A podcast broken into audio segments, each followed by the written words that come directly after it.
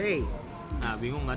ini kan bingung kan? Lu mau menanya apa? Oke, kita kita bakal punya rubrik Ah, jadi gini, jadi gini, jadi gini. Hah? Istilahnya mungkin nggak ada yang kenal sama kita. Kita juga nggak pengen dikenal. Nah, benar. Jadi ya kita sekelompok orang yang, yang Nggak ya terkenal iya nggak terkenal. Saya dan nggak perlu dikenal. iya, saya cuma ngobrol setelah pulang kerja aja. Dan obrolannya Killing time. Aha. time. Isinya, tapi kalau untuk episode sekarang obrolannya terkait night life. nightlife. Jadi eh, podcast episode sekarang direkam tanggal 28 tanggal 28 Juni jam ya 28 Juni 2019 dari jam 7 tadi sih. jam 7 malam ya. 7 malam. Jam 7 malam waktu Indonesia kita. Indonesia kita. Wika. Wika. Jadi ya ya dengerin aja terus kalau sekiranya dari mungkin ada yang ngedengerin di Anchor langsung di Spotify atau di mana nanti sosial media kita nggak bakal kita share karena nggak bakal ada yang lihat juga Iya tapi intinya kalau yang dengerin dari Anchor bisa ngirim voice notes saya bisa ngasih feedback ke kita Hmm. mungkin next episode bisa kita feature ya itu sih mungkin banyak kan nggak penting sih tapi ya dengerin aja lah Dengerin aja. Siapa ambil, tahu. Ambil hikmahnya aja lah ya. Iya. Jadi kebetulan di kesempatan sekarang dua jantan dan satu betina, Betina. dan Satu abu-abu. satu abu-abu yang cuma jadi cameo aja. Tapi cameo tidak akan penting di podcast. Benar. Ya itu aja sih.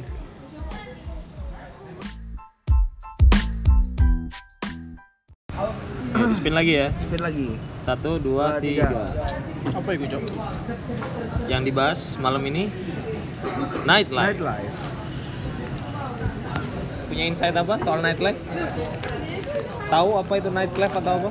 Definisi deh, definisi deh. Kehidupan malam. Ya tahu, Onta juga tahu kalau nightlife kehidupan malam, ya. Lu keluar malam juga night life namanya. Kayak gini nightlife gitu. Ini juga night life. Tapi kalau di di kaskus ini ada forum. Nah, Forum itu nightlife. Dan itu isinya soal clubbing, ah, oke. esek-esek, Nah, ya spa dan lain sebagainya. Tadarusan. bisa, bisa, bisa. Tadarusan bisa, bisa. Boleh, boleh, boleh, boleh. Tapi sebenarnya enggak maksudnya Iya, sebagian- aduh tadi enggak? Jadi ke sini sebagian orang kan masih banyak yang mikir kalau nightlife tuh hal-hal yang buruk. ya buruk. Apa selalu buruk? Belum tentu juga sih kalau misalnya memang tadarusan itu juga bisa jadi night life. Nggak nyambung. Eh, bener loh. Sekarang posisinya gimana? Masa saya Habibi? bener loh. Aduh, kalian tuh aku pesen. Karena mungkin konotasinya adalah nightlife itu hal-hal yang buruk gitu loh. Beberapa Enggak. orang punya persepsi nightlife. Tapi yang beredar selama ini nightlife itu kan hal yang buruk. iya sih ya tempat di seberang sana lah. Di mana? Seberang situ tuh. Oh, Bismillah. Ya jangan kita sebut kolon. Ya. Iya loh, beneran. Maksudnya ya di lingkup saya sih banyak banyaknya begitu. Maksudnya nightlife itu ya klub malam, esek-esek dan lain sebagainya. Entah ya kalau di kalau di lingkup dia kan nightlife itu tak ada urusan. ya, kalau kita kan sama. Kita tuh ya seperti itu. Yang beda kan Yopi. Suruh Yopi yang ngomong deh. Enggak, kalau dia tuh lagi lagi gusar. Dia sedang gusar. Saya pulang sama siapa? Nah tapi kalau nightlife yang kayak gitu, Kan komunitas di malam hari itu bisa jadi nightlife nggak sih? Maksudnya kayak komunitas motor. Bisa, bisa, iya bisa. Akhirnya sekarang kayak gini deh. Anak warnet tuh juga bisa loh dibilang nightlife. Nah bener. Para pemburu paket malam. Nginep di warnet semalaman. Pulang cuman makan, lanjut lagi ke warnet. Berarti kan ada persepsi yang dirubah di sini gitu loh soal Anak nightlife. Tapi kalau yang merebak maksudnya yang umum loh. Tetap sih yang merebak umum tuh nightlife tuh ya ya ya itu. Yang istilahnya yang di pandangan orang umum kita sesuatu yang buruk, sesuatu yang hedon. Sesuatu yang hedon, Hedon pasti. hedon. Sekarang sekarang ke night club. Heeh. At least cuman cuman berdiri doang, cuman tola tole. Enggak mungkin. Ya enggak maksudnya kalaupun iya gitu, paling enggak ada kocek yang harus dikeluarin. Oh, kenapa bilang nggak mungkin? Ya nggak mungkin lah. Sekarang kan kalau kayak gitu masuk tadi udah harus bayar kan masuknya. Lah iya, Iya, makanya. makanya. Istilahnya Enggak, maksudnya dia kan mungkin nggak mungkin lu datang ke tempat itu cuma datang diem doang gitu. Iya, emang. Tapi iya sih, Bisa jadi. minimal ya one shot lah. Wasyat. Bir lah. Tapi aku terus terang ya, aku Pernah? kenal dunia kayak gitu tuh waktu aku SMA. Oke. Tapi pernah. Tapi pernah. Sumpah demi Allah aku ke situ. itu- Yang nggak usah bobo Allah. Iya, enggak, Kita enggak. tidak membawa agama di Oke, sini. oke, oke. Itu itu aku nggak minum nggak apa, serius nggak. Tapi pernah. Iya dan. Iya. Ya di mana? Waktu zamanku ya, udah diguyu tare. Enggak, enggak, enggak. Sebut saja Anda bunga. Ya. Sebut saja Anda Pak Ijo. Eh, sebut Bejo. saja. Bejo. Handoko. Surti. Terus terus gimana gimana gimana? Eh, masuk. Di mana? Di mana? Tempatnya dulu di Ada satu Zaman tempat dulu lah ya. pokoknya Ah. ya. Waktu itu yang masih Booming. booming, colors, Kodam, bungus. kodam. Bungus tuh mana? Bungus seraton. Oh, Seraton. Oke. Kenapa sih nyebut tempat? Nggak apa-apa, Iya, supaya supaya buat wawasan kan. Iya benar-benar. Seraton, Kalau Colors kan masih eksis sampai sekarang. ya. Bungus kayaknya udah enggak kayaknya. Ada. Barangannya ini kan Joy Mariet itu Hugos. Yo, Angkatannya mereka Ya kan itu, kayaknya. ya itu tiga tempat itu tuh pokoknya. Tapi Hugos di Malang masih eksis ya? Nggak. Masih eksis Hugos di masih Malang. eksis. Di Malang loh ya. Oh iya, Ubus Malang. Terakhir itu aku ya yang di Malang itu. Itu. Tapi nggak tahu sih, beda banget sih kalau kalau Surabaya ini yang tak lihat ya, sistem nightlife-nya ya, lu datang ke diskotik, ya udah begitu, gitu kan. Tapi di Malang itu perasaan kalau aku pernah, aku pernah sih nyoba satu kafe. Istinya cuman nyanyi-nyanyi bla bla bla tapi sempit. gitu. Tuh, tapi Bisa didefinisikan tapi dengan beberapa nightlife. orang kayak di Jakarta, di Semarang, di Palembang dan lain sebagainya. Ini dalam artian nightlife yang tripping ya. Iya, yang di benar. TP ini tahu, station itu. Aku itu mereka pada bilang, iya, enggak. Ini saya juga nggak tahu sebenarnya. Saya berdasarkan kabar burung. kabar burung. Jadi banyak orang di, dari luaran kota tuh ketika datang ke Surabaya, i- istilahnya tahu nightlife nightlife-nya Surabaya itu pada salut gitu loh. Uh, ngeri ya Surabaya gitu. Istilahnya nightlife tuh jadi salah satu ikon juga di Surabaya. Gitu. ya karena mungkin karena kota besar kedua kan. Hmm, bisa jadi. Dan lagi sebenarnya kalau dibandingin kayak Bandung lebih bebas loh kita. lebih ah, lebih bebas. katanya Loh. bebasan Bandung. Siapa bilang? Bilang. Iya. Bandung itu kan cuman katanya. Enggak. Serius, cuman katanya. Bandung ya, kotanya, kotanya ramai itu cuman daerah tertentu. Yang sampai larut malam. Riau, di Pati Ukur. Cuman daerah tertentu. Kalau kita bicara secara general, secara general ya, Bandung jam 9 udah pada tidur. Pada tidur. Beda sama di sini. Lihat, warkop-warkop buka 24 jam. Di sana jarang. Malah nggak ada, nggak ada jarang. warkop malah. Nggak ada warkop. Istilahnya nang BA. Loh, mereka ya itulah. ya kita jangan bahas pekerjaan. Beda ini ngomongin nightlife, Bu. Kalau Nggak tapi emang sih beda, beda banget beda. Surabaya sama Loh, sama Bandung. makanya kadang-kadang istilahnya saya yang notabene orang dari Jawa Barat itu sering kena tudingan-tudingan dan pertanyaan-pertanyaan yang menyangkut kayak gitu tuh malah masa sih kayak gitu gitu loh istilahnya ya emang sih secara cewek dalam artian cewek banyak cewek ya. cewek nakal atau apa ya kita nggak bisa pungkirin lah pungkirin. hampir setiap kota tuh banyak bahkan sebenarnya kalau dibanding Surabaya lagi Surabaya lebih gila cok serius? Ada beberapa forum underground. Itu yang masih rutin ngadain kopdar. Ah, untuk ngebahas sorry prostitut. Prostitusi dan lain sebagainya itu masih masih marak banget. Istilahnya mereka masih lebih rutin masih lebih berani buat buat istilahnya keluar. Beda sama di Bandung yang lebih underground. Puasa aja. Ya bukan kita ngomongin apa ya. Biasanya di sini warung dan lain sebagainya buka normal gitu loh. Jangan di sana tuh harus ngumpet-ngumpet. Ya itu tadi contoh salah satunya nightlife soal warkop gitu aja Bandung tuh jarang, satu dua paling. Biasanya yang buka sampai tengah malam. Kalau di Bandung tuh biasanya yang ada tambal bannya. Nggak pasti nggak? ada kan benar. Iya. Iya benar. War warkop nggak ada. Jadi mereka lebih ke apa ya? Ya Kalaupun kafe, ada, datang ke Heeh, kafe. kafe lebih ke ya tempat yang masih inilah layak lah. Kalaupun ada tempat yang istilahnya pinggiran dalam artian ekono, eh, elit, ekonomi sulit, itu biasanya itu yang ya warung-warung esek-esek lah, warung remang-remang lah. Eh serius ini, serius. Kalau Surabaya kan ya sekarang loh, istilahnya like Surabaya loh. Warkop mana sih yang nggak buka 24 jam? Nah, Hampir semua warkop buka 24 jam. Full wifi. Kalau wifi sih masih sosok lah, karena pemerataan teknologi emang ya ironis. Cuman kalau bilang klub malam, Bandung lu mana sih? Ya jujur aku nggak tahu sih. Like Surabaya. Masih banyak loh yang eksis. Mungkin sampai sekarang yang masih eksis. tahu kalau Bandung sih yang di terminal mana sih itu? Terminal Aduh lupa ya. Stasiun 12. Bukan yang eh, Jalan Soekarno Hatta ke sana lagi. Mm-mm. Terminal apa sih? Nggak tahu. Kopo Kopo. Di daerah Kopo. oh, Cikopo. Cikopo. Iya. Ah, daerah Hah? Kopo. nggak tahu Dari Kopo itu ada. Soekarno Hatta di Bandung kalau nggak salah ada dua Ada jalan. dua jalan, ada Nama Soekarno. Hatta itu yang dekat airport ada sama yang dekat Cikopo. Nah itu kan nggak nggak banyak gitu loh dan banyaknya malah lebih ke kafe-kafe yang menyediakan ya oke lah minuman. Kalau terminal wajar sih, warung terminal 24 jam wajar, Bro. Wajar. Saya bis juga datang ya begitulah. Tapi kalau ngomong malam ya, i- sekarang Surabaya salah satu kota yang nggak pernah tidur juga loh. oh Ya setelah Jakarta. setelah Jakarta. Ya ibarat ya bayangin aja hari Sabtu kayak Enggak, contohnya gampangannya gini loh. Istilahnya kalau misalkan tengah malam kita entah ke mana ya di Surabaya itu masih ada aja tempat yang masih bisa ada masih kita bisa samperin. Contohnya penyetan. Iya. Masih ada. warung pucang pucang. Nah, Pecel pucang. terus apa nasi Pak Eko yang di Pucang juga yang telur telurnya bagus itu. Alah, sempat diulas di itu Asli kan Surabaya apa namanya nasi Campur Nasi pokoknya. campur. Pokoknya dia yang dijual trademarknya itu telurnya sing bagus itu. Pucang kok kalau nggak salah. Belum lagi Kamu flu ya? Kamu flu ya? kenapa? Kemarin nggak masuk itu?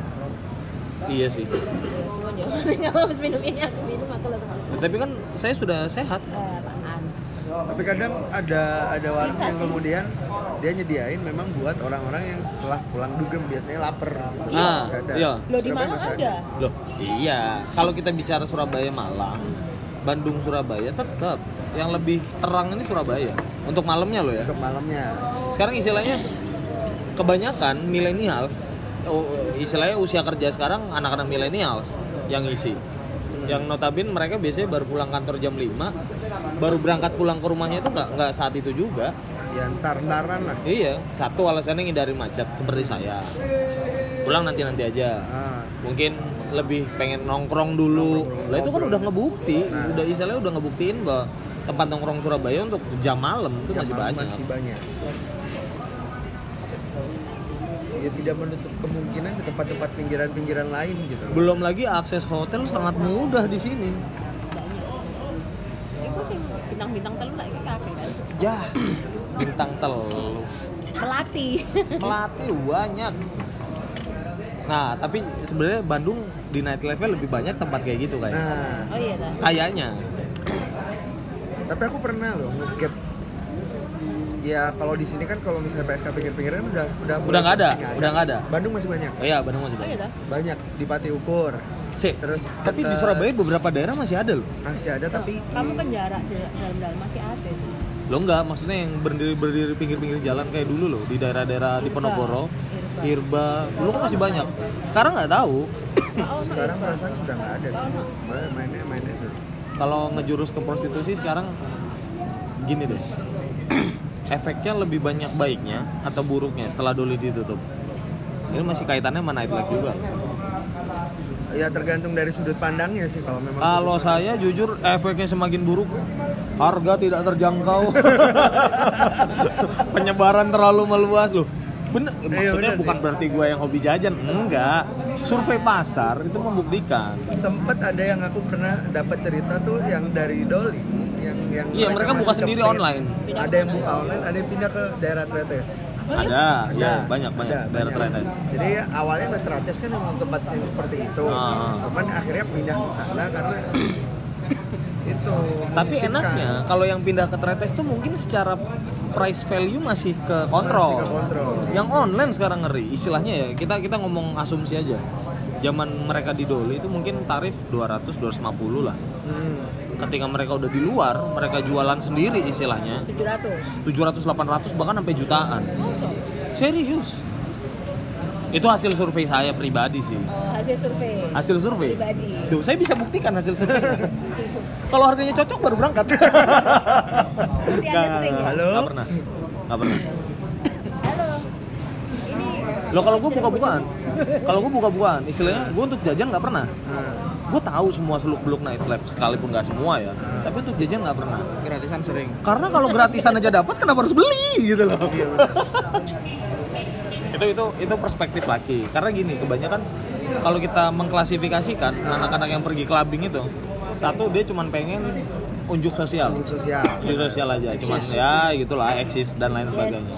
Yang satu lagi dia emang pengen dapat pengakuan dari lingkungannya. Ya mungkin Hmm. kaitannya sama yang pertama. Hmm. dan yang ketiga ini biasanya nyari cewek. Dari cewek benar.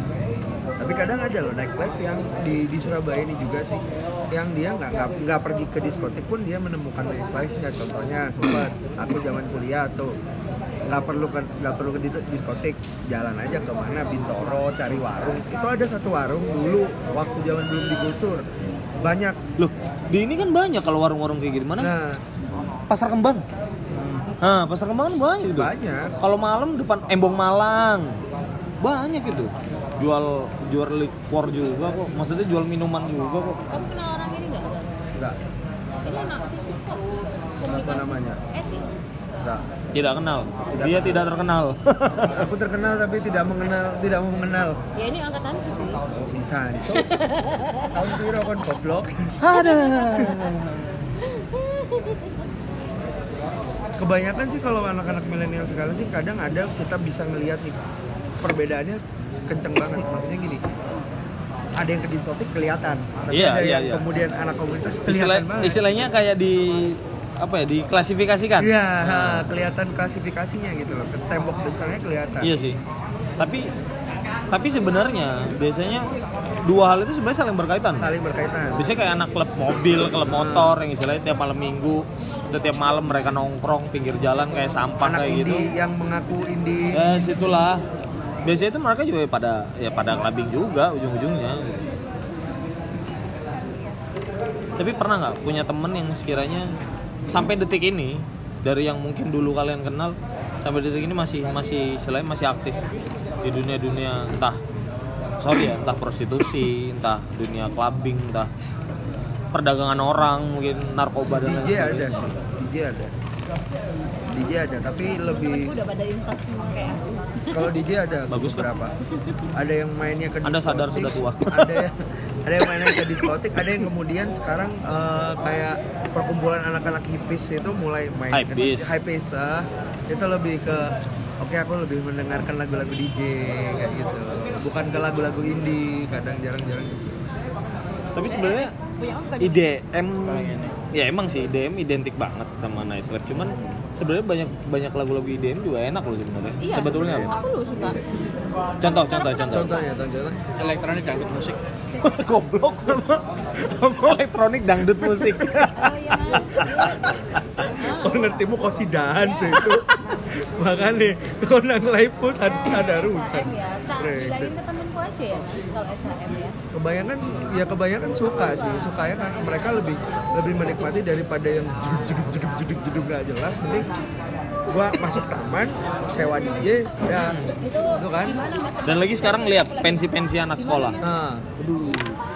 Istilahnya kalau dulu ya penikmat atau penggelut nightlife tuh biasanya ya orang dewasa awal yang at least 18 enggak 18 sih 19 tahun lah. Mm-mm. starting dari 19 tahun ke atas. Tapi kalau ngeliat sekarang kayaknya 15 16 udah banyak yang udah aktif ada yang aktif mungkin bisa jadi influencer adalah salah satu pengaruh eh, punya pengaruh juga. besar kayak iya. contohnya nih Web Genius tahu kan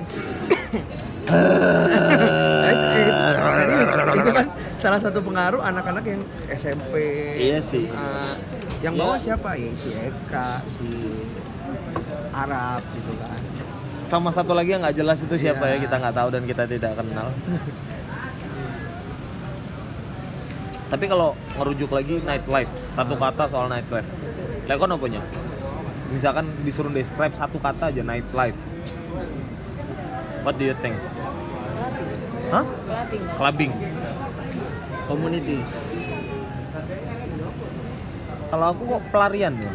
Kenapa karena karena gini biasanya anak-anak yang hidup dan menggeluti dunia-dunia kayak gitu tuh biasanya tuh eh benar hidup realnya dia di siang hari itu dia nggak nemuin siapa dia gitu nah loh. benar iya kayak kita ini enggak maksudnya Oh, enggak. kayak misalkan kayak misalkan anak sekolah Ah. anak kuliahan atau karyawan swasta di salah satu perusahaan bahkan mungkin karyawan atau pegawai negeri itu kadang ketika mereka di lingkupnya siang-siang yang istilahnya real life-nya di Real situ life, ya.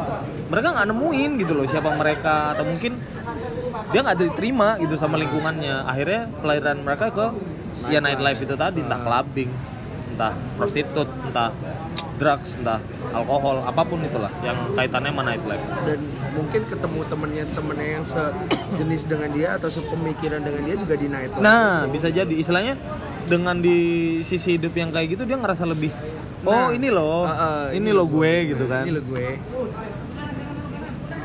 Tapi iya ya, kalau misalkan kita survei deh ke beberapa orang istilahnya nanya ke beberapa orang. Heeh. nightlife. Pasti selalu identiknya ke hal yang sorry kurang-kurang baik.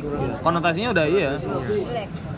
Ya iya iya iya juga sih. Jelek sih. Di samping apa namanya persepsi yang media bikin Hmm, hmm, yang akhirnya oke ini Tapi diskotik lah. bener bener istilahnya kaitannya clubbing dan eh, nightlife lah jelek dan lain sebagainya itu sebenarnya peran-peran yang punya andil besarnya ya media, Media. sebenarnya. Media apa pun ya sekarang. Istilahnya tempat Media cek- tempat dugem tuh dari yang ecek-ecek istilahnya yang birnya cuma seharga 20 ribuan Karena- sampai bir yang seharga 200 ribu sebotol. Ya itu. Ya kita diekspos. mikirnya, ah. diekspos kenceng sama media dan juga media itu peran besarnya ke framingnya juga gitu loh. Iya apalagi media sekarang. Semua yang di framing sama dia tentang nightlife ya yang seperti itu gitu loh. akhirnya Apalagi me- orang iya. pikirnya gitu. Apalagi media sekarang kan uh gila cepet banget. kamu kok diem aja Yopi kamu kenyangan ya? Pedes. Habisin Rek. Pedes. Makannya tanya mami tadi. Jabra. Ngono tadi Pak Nokon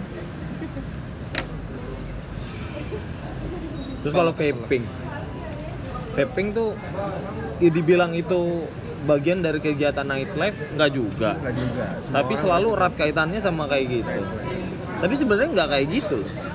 Apa vaping? Vaping like Vaping? oh iya, vaping. Kebanyakan kebanyakan orang yang istilahnya aktif clubbing dan lain sebagainya kebanyakan dari mereka pasti vaping. Dan kebanyakan dari anak vaping yang yang vaping ya orang-orang yang vaping ya nggak bisa bilang gitu juga sih tapi mungkin karena diskotik nggak boleh masukin rokok lagi mungkin ada ya nggak nggak mungkin ya nggak mungkin. tahu ya bisa jadi kan? Kontributor terbesar mereka tuh dari rokok. Kontributor kontributor mereka selain dari selain dari alkohol dari rokok. Nggak bisa dipungkiri loh banyak billboard rokok di tempat-tempat kayak gitu. Iya. bahkan asbak dan lain sebagainya supporternya by ya perusahaan rokok gitu. juga kan makanya su- susah juga istilahnya kalau misalkan kita ngasih batasan merokok di negara kayak gini ya berat juga. Karena mereka masih sangat bergantung sama cukai dari rokok itu sendiri. Devisa negara kita terbesar kan dari rokok pak. Iya. Tembakau hmm, salah.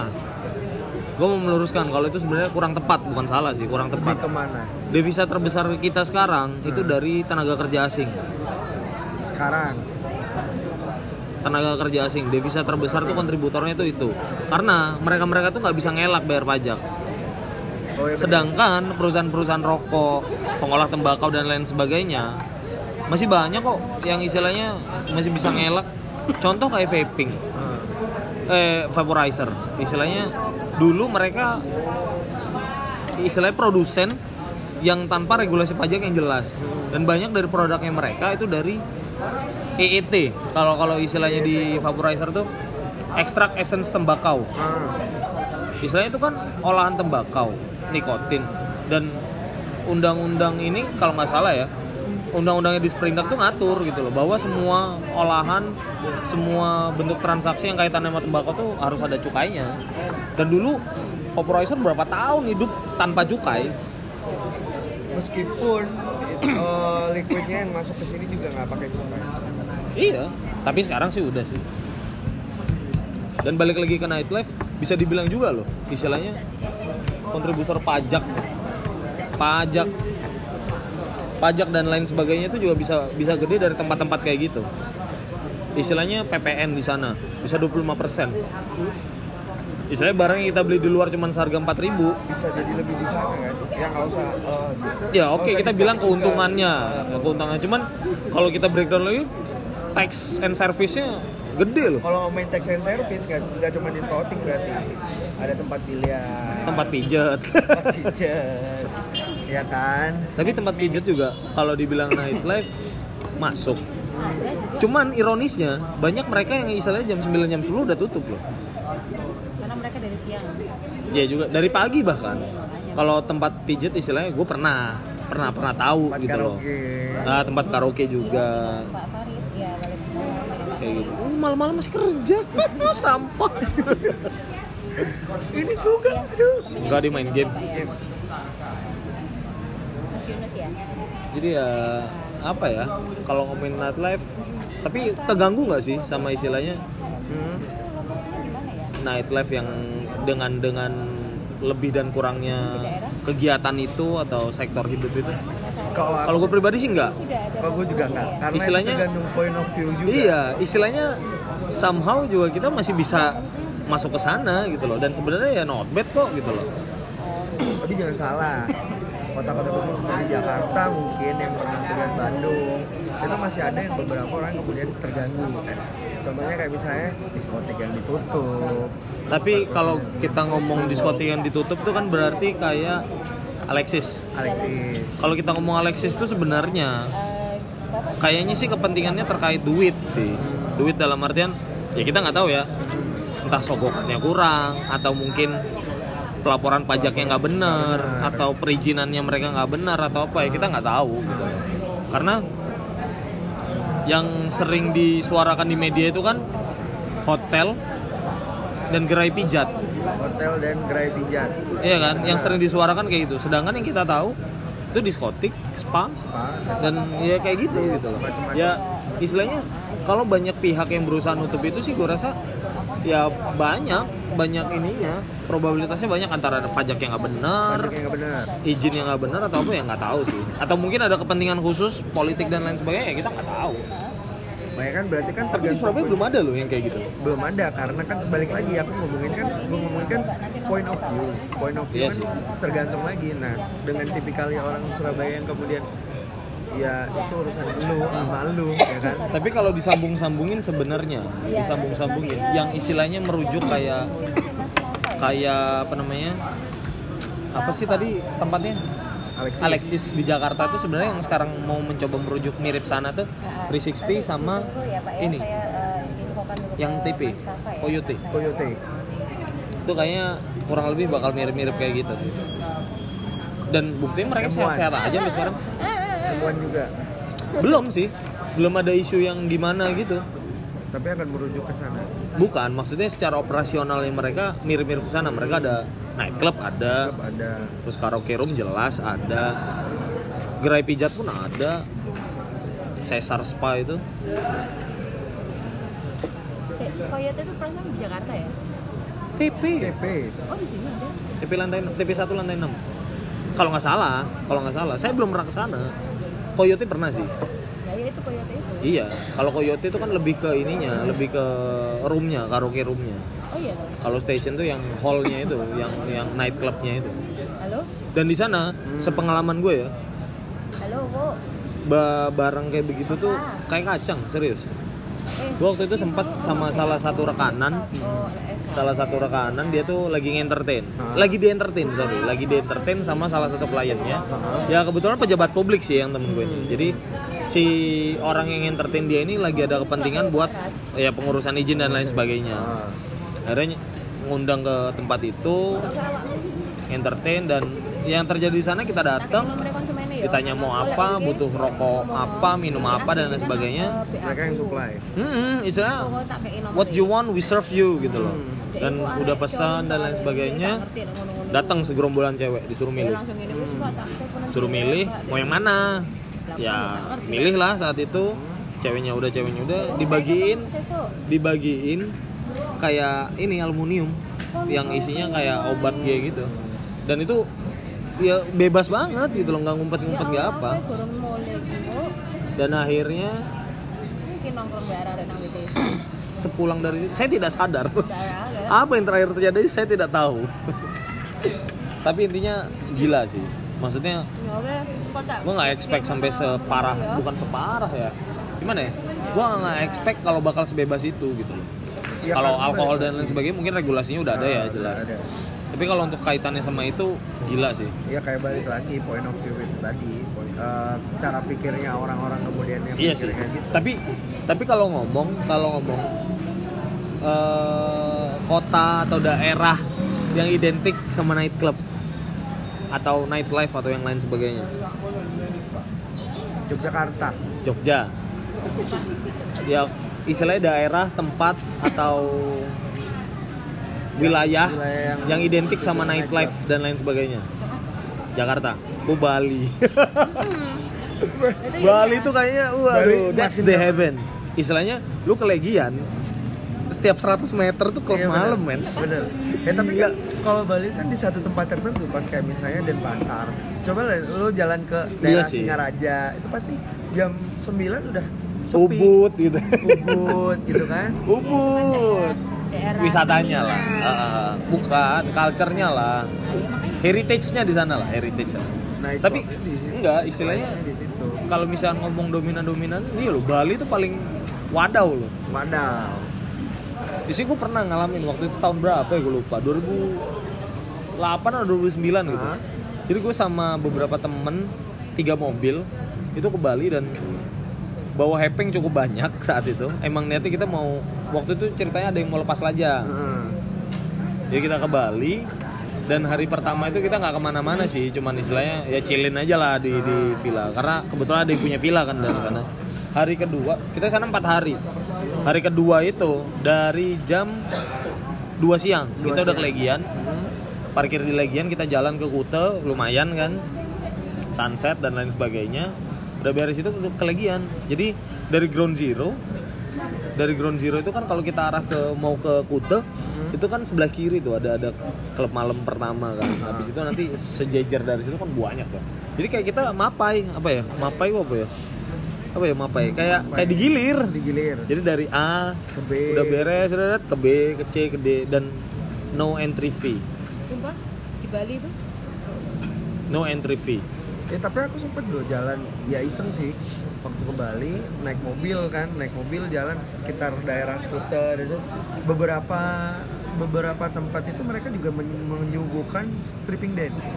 Oh. Iyalah tapi di anu tempat yang bukan stripping apa apa Striptease. sorry stripping stripping stripping kan udah gede gede gede gede gede ya striptease dance gitu di mana Bali Bali Oh iya, Surabaya banyak bro. Eh, tapi Di kantor tempatnya- tuh masih ada bro. eh itu tempatnya oke kantor tutup Oh kan. strip club. strip Loh, club itu tempatnya nggak terbuka loh jadi waktu jalan nggak mungkin karena masuk Iya sih, gitu. iya ada ada iya. Iya kan beberapa tempat ada yang kemudian Ada, ada. si Di cowoknya Legian juga kan itu? di cowoknya atau ceweknya ada di dalam kurungan Box gitu, ah. gitu modelnya kan Jadi kalau di Bali tuh yang gue tahu ya, yang pas kemarin gue ngalamin tuh yang dari klub A ke klub B ke klub C. Ah. Jadi semalam tuh dipapai semua, digilir semua. Heeh. Dan yang gue tangkap saat itu ya mungkin separuh-separuh nggak sadar juga sih. Intinya dengan ada orang datang ke tempat mereka, sekedar sekedar masuk dan ngeramein aja, kayak itu udah revenue buat mereka gitu. Karena kalau gue ngeliat di prospek bisnisnya ya, istilahnya dengan klub lu rame, investor tuh pasti bakal bakal itu. nyuntik duit terus gitu loh. Biasanya nggak bakal cabut lah dari tempat lo karena dia bakal tahu oh ini profit gitu loh. salah satu penyumbang Satu terbesar itu, heeh. terus yang kedua lagi advertising, advertising advertising. Biasanya lu nggak mungkin dong mau ngiklan ke tempat yang sekiranya nggak ada potensi orang ngeliat iklan lu gitu. Buat apa lu pasang di Iya. situ kan gitu. eh, Itu juga kenapa kenapa? Lebih cocok di ya itulah kita ya itulah kami news nggak cocok sudah pernah. Sudah nggak pernah. cocok and then mm, yes like something like that lah ya tapi kadang ada loh Kak. Eh, aku pernah nemuin fact yang cukup menarik sih beberapa turis aku kira beberapa turis yang datang ke Bali itu adalah turis-turis yang memang mereka punya budget untuk ke Bali Oh. nggak tahu sih nggak tahu Ternyata tapi, tidak. ternyata tidak ya kan jadi gue sempet sih waktu itu pas ya gue cerita ke Bali Ah. tuh ketemu salah satu dia dari Australia kalau nggak salah dulu gue ya bahasa Inggris gue belepotan lah. Nah, udah belepotan posisi setengah sadar waduh. Jadi kalau sempat dia cerita dia tuh sebenarnya itu dia cuman salah satu pialang saham. Mm-mm. di nggak tahu gua di perusahaan mana di Australia lah. Jadi dia ini ke Bali dalam rangka ngambil duit ininya istilahnya kayak duit tahunan lah duit gaji tahunannya itu. Dan itu pun dia nabung selama beberapa tahun baru akhirnya bisa berangkat ke Bali. Jadi beda sama orang kita yang istilahnya paycheck to paycheck gitu loh ya kan? Sedangkan mereka tuh lebih ke ya lu hidup biasa aja gitu loh karena negara pun support Hmm. kebutuhan lu dan lain sebagainya. Subsidi di mana-mana. Ini menurut penuturan dia loh ya. Jadi akhirnya lu masih bisa alokasiin duit lu untuk saving lebih banyak Ah. akhirnya. Beda sama di sini transportasi massal masih kayak gitu. Hmm. istilahnya bahan bakar parkir dan sebagainya. Ya intinya apa yang lu kerjain sebulanan dan lu menghasilkan sesuatu itu ya habis buat Habis operasional lu lagi gitu loh. Iya, betul. beda sama mereka yang menurut penuturannya dia ya Casey kalau nggak salah namanya. Seingat gua dulu ya. Menurut kalau kata si Casey itu gitu. Jadi istilahnya bonusnya bukan bonus sih jadi duit yang dia saving selama beberapa tahun dua tahun atau tiga tahun akhirnya dia ambil Deposit. dia cuti. Bukan deposit sih jatuhnya. Mungkin kayak kalau di kita tuh hold 20% Ya. some kind like that lah. Ya Saving. saving lah. Saving semacam kayak gitu. Dan cuti di mereka pun enak gitu loh. Eh, istilahnya ketentuan cuti di tempat mereka lu mau cuti setahun pun fine fine aja Fine-fine gitu. Aja. dan perusahaan juga nggak bakal goyang. Ah, beda sama kita. Istilahnya yang kita cuti sehari dua hari aja mereka udah worry banget. Hmm. kerjaan lu gimana? Dan tujuan si Casey ke Bali waktu itu kalau menurut penuturannya dia ya karena nggak segila di Australia dia bilang. Hmm. istilahnya night life-nya Masuk. Tapi udah terkenal loh maksudnya. maksudnya gini loh nightlife mungkin Bali itu. hidup di Australia menurut si Casey ini atau menurut kita ya yang nggak pernah tinggal di sana tuh hedon banget gila banget bebas banget bener tapi kalau kita bicara nightlife-nya alkoholnya drugsnya Indonesia ini gila Indonesia ini big market of drugs kalau orang-orang luar bilang makanya penyelundupan Tapi kan maksudnya emang nggak semua di nggak nggak nggak di semua daerah emang tapi. Ya sekarang lu gini deh, kalau lu mau bikin usaha atau mau bikin perusahaan, kira-kira lu bakal lebih milih naruh di Manokwari atau di Jakarta? Logiknya begitu aja kan gitu. Biasanya ya sama kayak analogi advertising tadi. Ya lu lu better naruh itu di klub malam sekalipun itu cuma dilihat orang beberapa biji yang datang ke klub malam dibanding lu taruh warung. Oke, mungkin potensinya lebih banyak yang lihat warung. Cuman kan belum tentu jadi revenue, paham kan? Hmm. Kayak gitu sih. Kalau itu kan dari eh, pialang bukan sih si Iya, dia- dia pialang, si Casey itu nah, pialang yang saham. ini yang anehnya adalah dia baru lulus SMA. Siapa tuh? Ini bule dua ini dia Oke. backpacker, backpacker. Ah. Iseng nih nanya Eh, waktu itu ya sama lah bahasa Inggris. Intinya dia pengen sih backpacker ke Indonesia. Dia barusan lulus, pengen eh, Pengen tahu lah ya, pengen tahu Indo lah kayak Indo gimana. Indo kayak gimana. Gue tanya nih, duit dari mana emang? Oh selama ini aku saving, bener. Dia kerja kayak sambilan-sambilan gitu aja. Iya. gitu. Serabutan. freelancer di sana lebih dihargai loh, Bray. Eh, eh, dia backpacker, backpacker sempet nginep satu hotel. Sama lu. Ah. Waduh. Tapi tidak sekamar. Tidak sekamar. Sayang sekali. Jadi ke mana-mana ya eh, kita bareng gitu loh karena itu waktu itu di mana? Di Bali, di, Bali, Jakarta. di Oh, Kute, oke. di Kute Bali. Nah, gue tanya nih, abis dari mana aja gitu kan Hmm. ke Indo? Dia abis dari ke Jogja, terus Oke. abis itu dia main ke Surabaya, Oh, kota besar lah ya. kota-kota besar. Tapi dia nggak ke Jakarta. Nah, lucunya dia nggak ke Jakarta. Jadi dari dari dia waktu itu kalau nggak salah dia itu dari Eropa, Eropa lupa aku Eropa mana. Dia langsung terbang ke Indonesia, turun ke Jakarta, itu hanya transit. Terus dia langsung ke Jogja. Mungkin ini jatuhnya sama kayak kalau lu ke Amrik.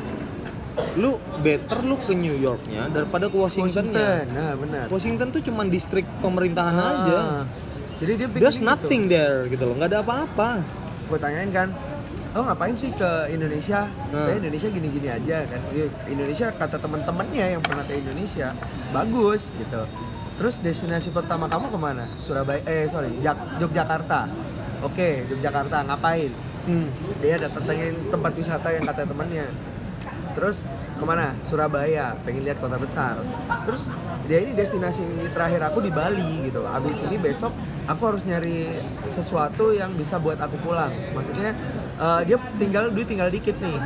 Jadi dia entah jual sesuatu apa dia pengennya setelah itu dia balik gitu. Terus kamu ke Bali ngapain?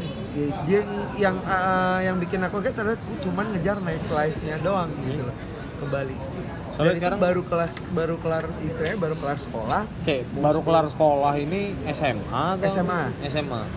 karena karena dia eh, Australia juga? Oh, Eropa ya? Enggak, Eropa. Dia dari Eropa. Dan sempat juga eh, waktu itu ketemu ngobrol juga ketemu orang. Terus ditanyain eh, abis keliling dari mana? Aku kira cuma Indonesia. Dia di Indonesia cuma ke Bali aja. Jadi dia emang backpacker dari ya dari eh, dari Amerika terus ke mana? Ke Italia gini. Itu dia backpack sampai endingnya ke Sura, ke sorry ke Bali dia dari Bali terus langsung balik ke ke Ya, negaranya lah ya. Nah,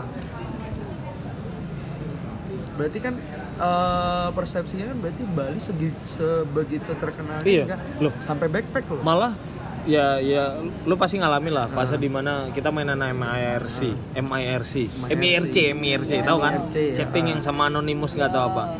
Banyak orang tuh nggak tahu Indonesia tapi tahu Bali, bangsat nggak sih? iya bener.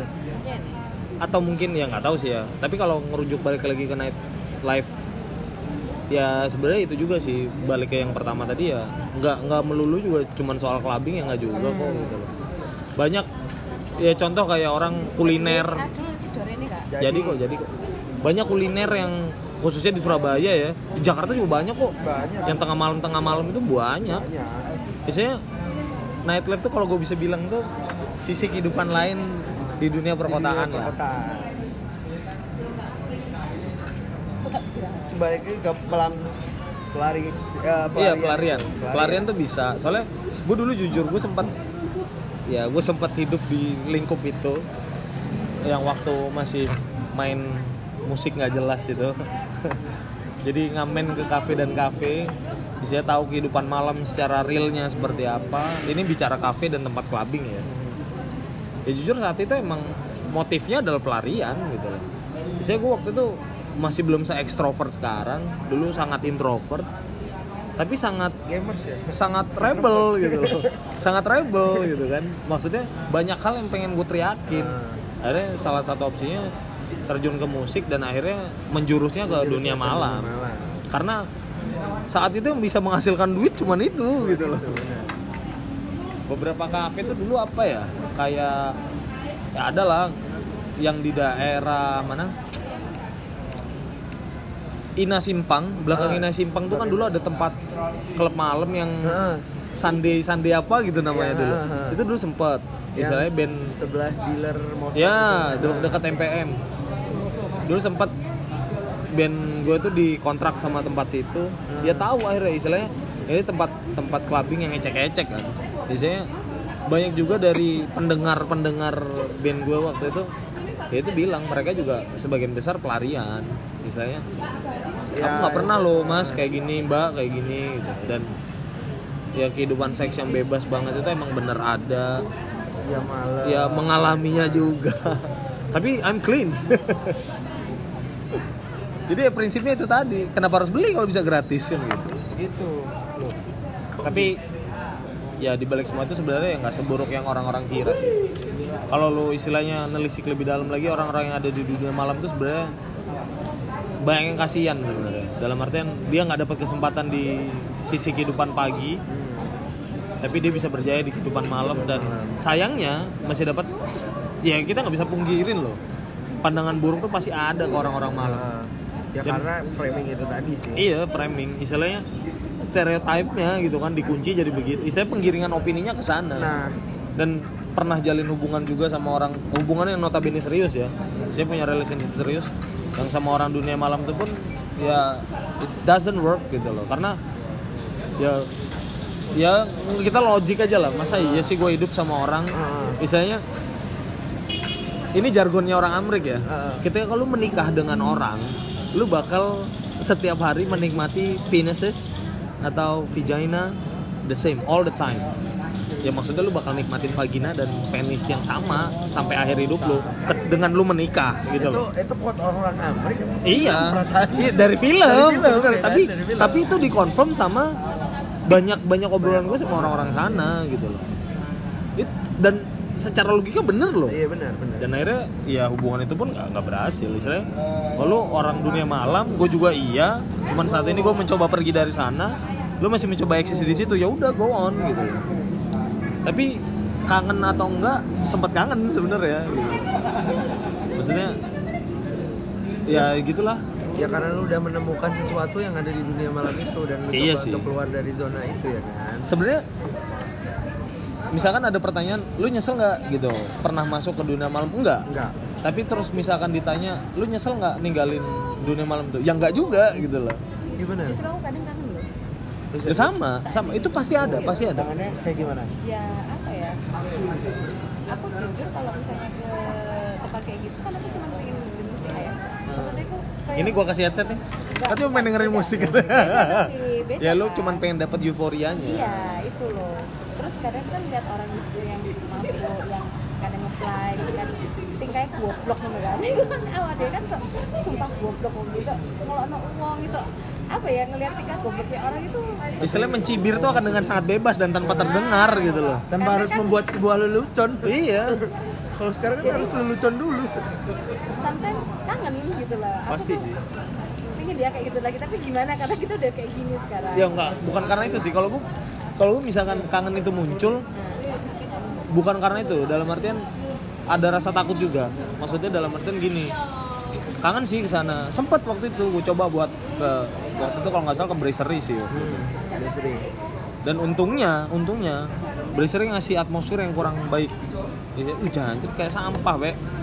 Ruami ruami pol Brasserie lo asli oh lebih parah dari pasar ratu pas diskon serius Doi di sini Brasserie gubeng itu loh Mana Starbucks kayak gue bukan depannya Sampingnya Iya nggak sampingnya juga lah. Ya seberangnya tapi kan nggak nggak seberang langsung. Alah habisnya Indomaret Point dua ruko baru ada tulisan B. oh Nah di situ. Nah itu kok taman sih? gubeng di sini Lu tahu Giki nggak? Indomaret Giki. Nah Indomaret Giki satu dua ruko satu dua ruko. Ruko itu biasanya. Makanannya bos. Langganan bosnya dia. Bosnya dia. ABS banci sekali. Tapi akhirnya eh, dari situ karena nggak menemukan yang saya cari ya akhirnya merapat ke colors waktu itu. Eh masih masih masih masih tetap masih tetap kayak gitu. Jangan-jangan pas lu sering main ke colors gua sering ngisi di sana. Aku aku ke kampus terakhir itu kuliah semester tahun tahun tahun. Tahun berapa tahun berapa? Ya gua terakhir berhenti pegang instrumen itu 2000 Songo-songo. Oh, lu takut alumni nang aku. Koplik. itu masuk masuk masuk. 99 itu masuk kuliah. Tambahin dua berapa 2001 2002 lah terakhir oh saya belum belum ke dunia musik sih 2001 2002 terakhir deh Tapi kalau dibandingin 2001 2002 saya juga nggak tahu loh ya. Gua kalau sekarang sih masih tetap dia ada middle barnya masih, Ah, terus stage, itu iya. ada stage Eh udah kursi-kursi dan lain sebagainya dan ada bar mini lagi yang di dekat pintu. Jadi ini pintu masuk, pintu masuk nih ya. Pintu masuk ini ada mini bar kecil bundar. oh nggak ada Ini stage, terus ini udah kursi-kursi kursi toilet sebelah sini. Nah ini pintu sebelah sini ini ada bar lagi. oh cuma satu di tengah. Terus stage. Masih ada sih kayaknya tuh bar yang di tengah itu. jadi gua aku. Aku tapi lebih suka apa ya? Duh, Kalau- tapi kalau kayak colors gitu, jujur aja gue masih lebih bisa nikmatin. Karena karena mereka model sesi- sessionnya tuh jadi kayak DJ performance, ketika DJ performance break itu band. band Habis itu malah sebenarnya yang lebih diini kan itu pas band performnya itu. dia lebih ke arah situ Terus gue juga pernah ke ini, mana namanya? Yang bukan deket Tugu Pahlawan, Nah, deket Tugu Pahlawan. Gedung apa itu? Ada klub malam. Ah, Castello. Ternyata dia apa? Anda diam-diam loh. dia tak ada rusanya di situ Waduh. Ya Robbi. Aduh, aduh. tapi kadang aku pribadi sih nggak nggak nggak se. Tapi lu pernah masuk masuk ke klub-klub malam itu pernah? nggak pernah dan nggak mau karena apa bising banget di di telinga itu sakit pertama. Tapi kalau misalnya night life yang suka sih terakhir night life di saya ya minum dan apa pun di di hotel Majapahit. Hotel Majapahit Hotel Majapahit itu ada kafenya dia, Iya. MAJ. Itu kalau belum pernah. malam, Loh, Sisi, bentar, dia bentar. band-bandan. Asik. Oh iya. Asik banget. Sisi bentar bentar. bentar. Katanya Hotel Elmi tahu nggak? tahu Itu juga katanya ada ini. iya Kemi Oh ya? namanya dulu zaman dulu tuh ya itu pokoknya Kemi Colors tapi aku nggak pernah ke Kemi karena apa Kemi itu dia lebih ke klasik disco gitu sih Oh. musik-musiknya waktu zaman dulu ya Klasik 80 disco. 90-an gitu ya. yes jadi Cut Bray, Kribo gitu ya. jadi aku Waduh sekali. ah, ini salah ayo pindah ke Solo ayo pindah ya ayo Tapi dulu gue sempat punya mantan anak Trimurti. Hmm. Itu dulu dia tongkrongannya di Kemi loh. loh Dan gue nggak tahu dulu Kemi itu apa bangsat eh gak? Kemi itu lebih banyak ke om om waktu itu Oh, pantes. kuliah, Gue masih ada fotonya kok. Gue masih ada fotonya. Pantes, gue baru terus gua ceritain. Udah lama banget. Dia udah serius, nikah. bener. itu itu itu Kemi itu waktu itu terkenalnya Oppo Nah, karena dia lebih ke classic disco Disco pantes. Pas gue waktu itu ketemu nasabah di sana sama Rizal waktu itu. makanya aku gak mau aku lebih suka itu ya kalau Nih. mau bonus colors Dulu gue pacaran sama dia ini. Nih. Mana? Eh. Nih, gue pacaran sama dia itu SMA. Dan itu sering ngebicarain, yang aku ke Kemi ya gitu. Hmm. Dan itu jam setengah tujuh setengah delapan. Oh ya udah. Gitu. Dan dulu gue nggak tahu Kemi itu apa cowok. Ya. Halo, lantai enam. Ya Allah, ya amin lah kita Ah. udah. Kalian tuh sering gak pulang nongkrong? Lantai enam, lantai enam. Ya Di apa ya, ya kamu tahu lah. Eh, selepas eh, enggak sih jarang. Yuk, kalau iya ya ngomong, aku ikut. eh, kita ngebahas something yang mau nggak? Yes, ngebahas ngebahas ya kayak gini-gini sih wis. Kalau mau setiap Jumat, iya. Sumpah, setiap Jumat kalian Ya nggak harus setiap Jumat sih. Biasanya at least setidaknya rubrik seperti ini harus terjadi seminggu, Seminggu sekali. Sekali. Soalnya gini loh, kadang bukan gimana ya, kadang obrolan-obrolan kayak gini nih entah kapan itu pasti, oh iya, kayak dulu gue pernah ngobrol gini ya. Nah, Dan lagi ketika misalkan ini udah terlewat dengan waktu yang sangat lama dan kamu mendengarkan obrolanmu kembali, Anda pasti tertawa. ngapain gue bikin kayak begini? Enggak, maksudnya akhirnya gini loh. eh seenggaknya, seenggaknya dari perspektif yang kita sampaikan kan belum tentu juga orang ngerti, belum tentu juga orang mungkin juga ada yang sepaham Iya, di luaran sepaham. sana. Ada yang mungkin juga nggak ada mungkin yang juga. lebih ini dan untungnya platform yang dipakai kan Anchor. Jadi Anchor ini bisa ketika pendengar itu nyampein voice notes-nya mereka gitu dan nanti bisa kita feature gitu loh. Mungkin dari sini ntar ada yang ngirim voice uh, kayak istilahnya dia shout out soal apa, mungkin di next episode bisa di feature Yes. lumayan Yes. kayak gitu dan bisa banyak kok banyak kok bahasan-bahasan yang sekiranya makanya kenapa di TV acara talk show tuh ratingnya bagus gitu loh karena sebenarnya orang Indonesia tuh lebih seneng dengerin orang ngobrol Iya, daripada membaca. that's it daripada membaca dan daripada ngobrol sendiri. Daripada sibuk sendiri. iya Karena mereka tapi ya balik lagi sih berarti ketika besok anak lu akhirnya terjun ke nightlife lu setuju nggak? enggak, aku takut. malah. Nggak, oke lu setuju nggak? Enggak. Kalau gue sih bakal ngasih kebebasan ya nggak? Tapi Istilahnya- selama kebebasan itu, eh, oke lah, aku kasih kebebasan tapi ibaratnya apa ya? Nggak, sekarang ini pertanyaannya. Kalau anak lu terjun ke nightlife esok hari, lu setuju nggak? Setuju atau tidak? setuju sih setuju ya. Setuju ya? Setuju atau tidak? Aku agak enggak. It's a close question. Setuju atau tidak? No. No, you? Yes. Gue juga yes gitu loh. Dalam artian gini loh, kita nggak bisa ngontrol loh. Iya, tahu, tahu. Tapi kita, kita bisa toh- mengarahkan. toh aku pun pergi ke tempat gituan pun aku nggak Itu loh, itu yang gue maksud. Karena Mau sehebat apa pun kita Aku- larang. Aku waktu itu kan emang ya ini aku ngomong aja sih. Aku punya temen dia itu ya bapaknya punya pangkat sih dan itu yang nyebabin dia tuh hanya di rumah tuh sama adiknya dua. Bentuk pelarian berarti kan dia. terus Ya kan? sama sepupunya sama ajudannya bapaknya toh wes iku Hmm. hmm. sopir jadi seringnya itu ya ayo nginep di rumahku yuk gitu kan Padahal? Aku malam minggu gitu kan Padahal gede. ngapain nah, ya wes pokoknya ngapain nang omahku gitu terus kita keluar ya keluarnya itu malam-malam gitu dan itu ya biasa kayak uang tutup mulut sama ajudannya terus ya cuman buat Iya. nggak ngapa-ngapain di situ pun kita cuman denger musik ya cuman buat pelarian aja Tapi sekarang gini, oke.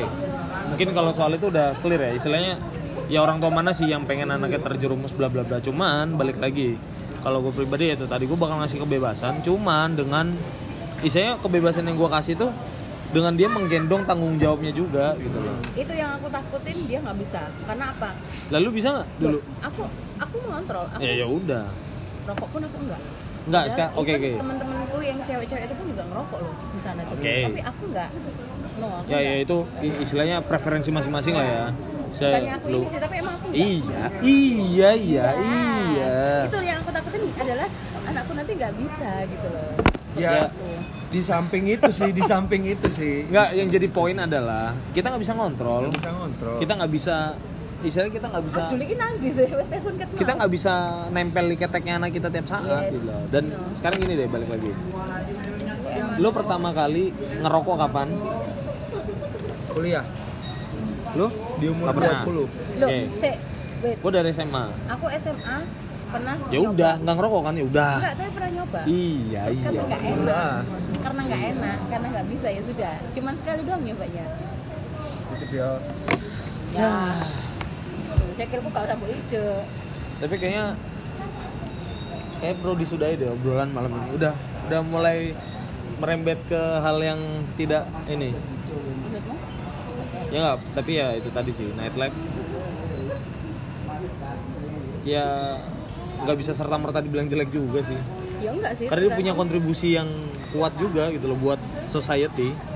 Tergantung gimana kita bisa jaga diri kita sendiri. ya poin gua kan dibilang jelek sepenuhnya enggak dibilang bagus juga nggak ada manfaatnya. Ih, istilahnya mereka punya kontribusi buat society. Ini itu aja sih. Ya siapa pun pelaku pelaku orang di dalam dunia itu ya kita nggak bisa judgement mereka. Terus yang ya, ya gitulah pokoknya Kayak udah deh, udah sejam. Dibahas besok lagi deh.